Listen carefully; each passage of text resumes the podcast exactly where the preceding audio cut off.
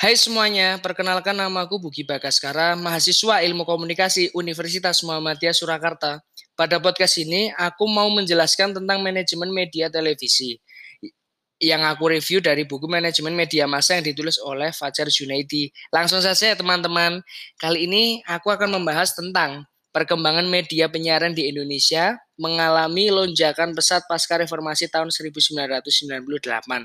Sistem politik yang sebelumnya otoriter di masa Orde Baru berganti dengan sistem politik yang lebih demokratis, membuka kesempatan bagi berkembangnya media penyiaran di Indonesia. Undang-Undang Nomor 32 Tahun 2002 tentang penyiaran bisa dilihat sebagai tonggak perubahan kebijakan di langit penyiaran Indonesia Sebenarnya sejak masa-masa akhir kekuasaan Orde Baru, pemerintah yang berkuasa saat itu mulai membuka kesempatan bagi swasta untuk bersiaran.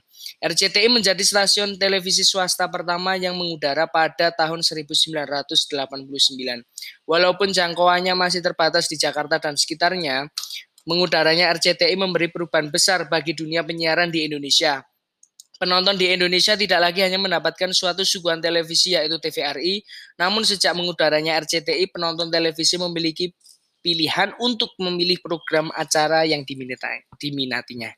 Keberhasilan RCTI kemudian diikuti oleh SCTV, Antv, Indosiar, TPI, dan berbagai stasiun televisi lain. Dikotomi stasiun televisi di masa Orde Baru adalah televisi pemerintah dan televisi swasta.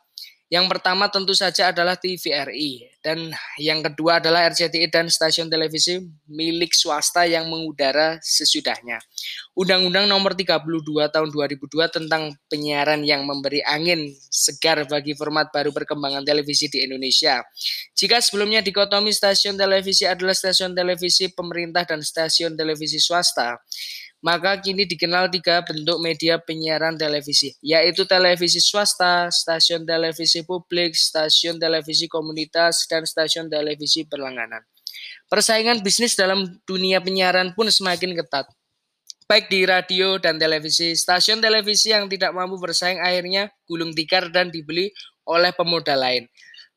Kasus La TV. Sebagaimana yang disebutkan dalam bagian sebelumnya adalah suatu contoh nyata dari kegagalan bisnis dalam media penyiaran yang memerlukan modal besar. Keberhasilan dan kegagalan dalam bisnis penyiaran sangat tergantung pada manajemen dalam media penyiaran.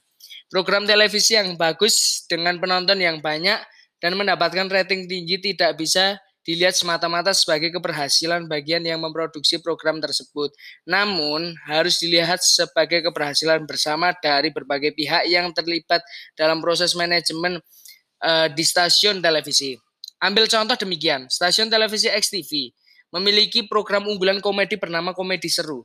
Acara komedi, komedi seru ini mendapatkan rating yang tinggi karena divisi kreatif yang berhasil mengemas acara komedi seru secara berbeda dengan acara-acara komedi lain di stasiun televisi yang lain. Acara komedi seru ditayangkan secara langsung live setiap hari. Walaupun tayang setiap hari, komedi yang ditampilkan selalu menarik karena tim kreatif yang bisa merancang program tersebut dengan baik. Tim produksi juga berhasil mengemasnya dengan kualitas yang prima Suatu hari di stasiun televisi XTV mengalami gangguan teknis dan tim teknis tidak berhasil mengatasi gangguan tersebut sampai dengan jam tayang acara komedi seru. Akibatnya program komedi seru yang seharusnya tayang menjadi tidak tayang. Penonton menjadi kecewa. Melalui media sosial, komplain secara bertubi-tubi diarahkan pada stasiun televisi XTV. Nama baik stasiun televisi XTV pun menjadi hancur. Kesalahan satu bagian yaitu bagian teknis harus ditanggung oleh semua bagian yang terlibat dalam produksi siaran komedi seru di XTV.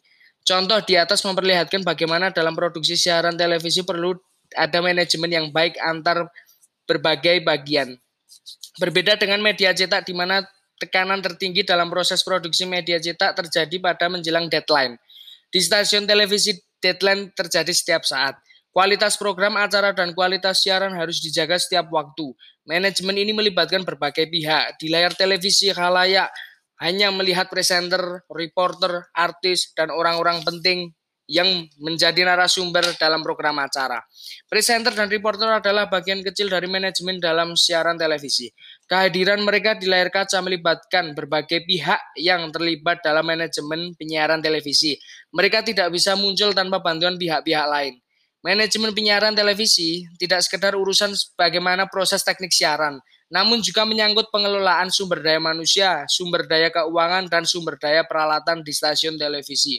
Mengelola stasiun televisi harus mampu mendelegasikan wewenang kepada para bawahnya dengan beragam posisi, kewenangan dan tugas yang berbeda. Pembagian ini didasarkan pada kebutuhan lingkungan dan sumber daya yang ada di stasiun televisi tersebut. Berdasarkan pembagian tersebut dibuatlah struktur manajemen stasiun televisi sehingga antar stasiun televisi strukturnya bisa tidak sama. Oke, segitu saja teman-teman ya uh, review dari buku Pak Fajar Junaidi. Sekian dari saya. Mohon maaf jika ada kesalahan. Terima kasih. Wassalamualaikum warahmatullahi wabarakatuh.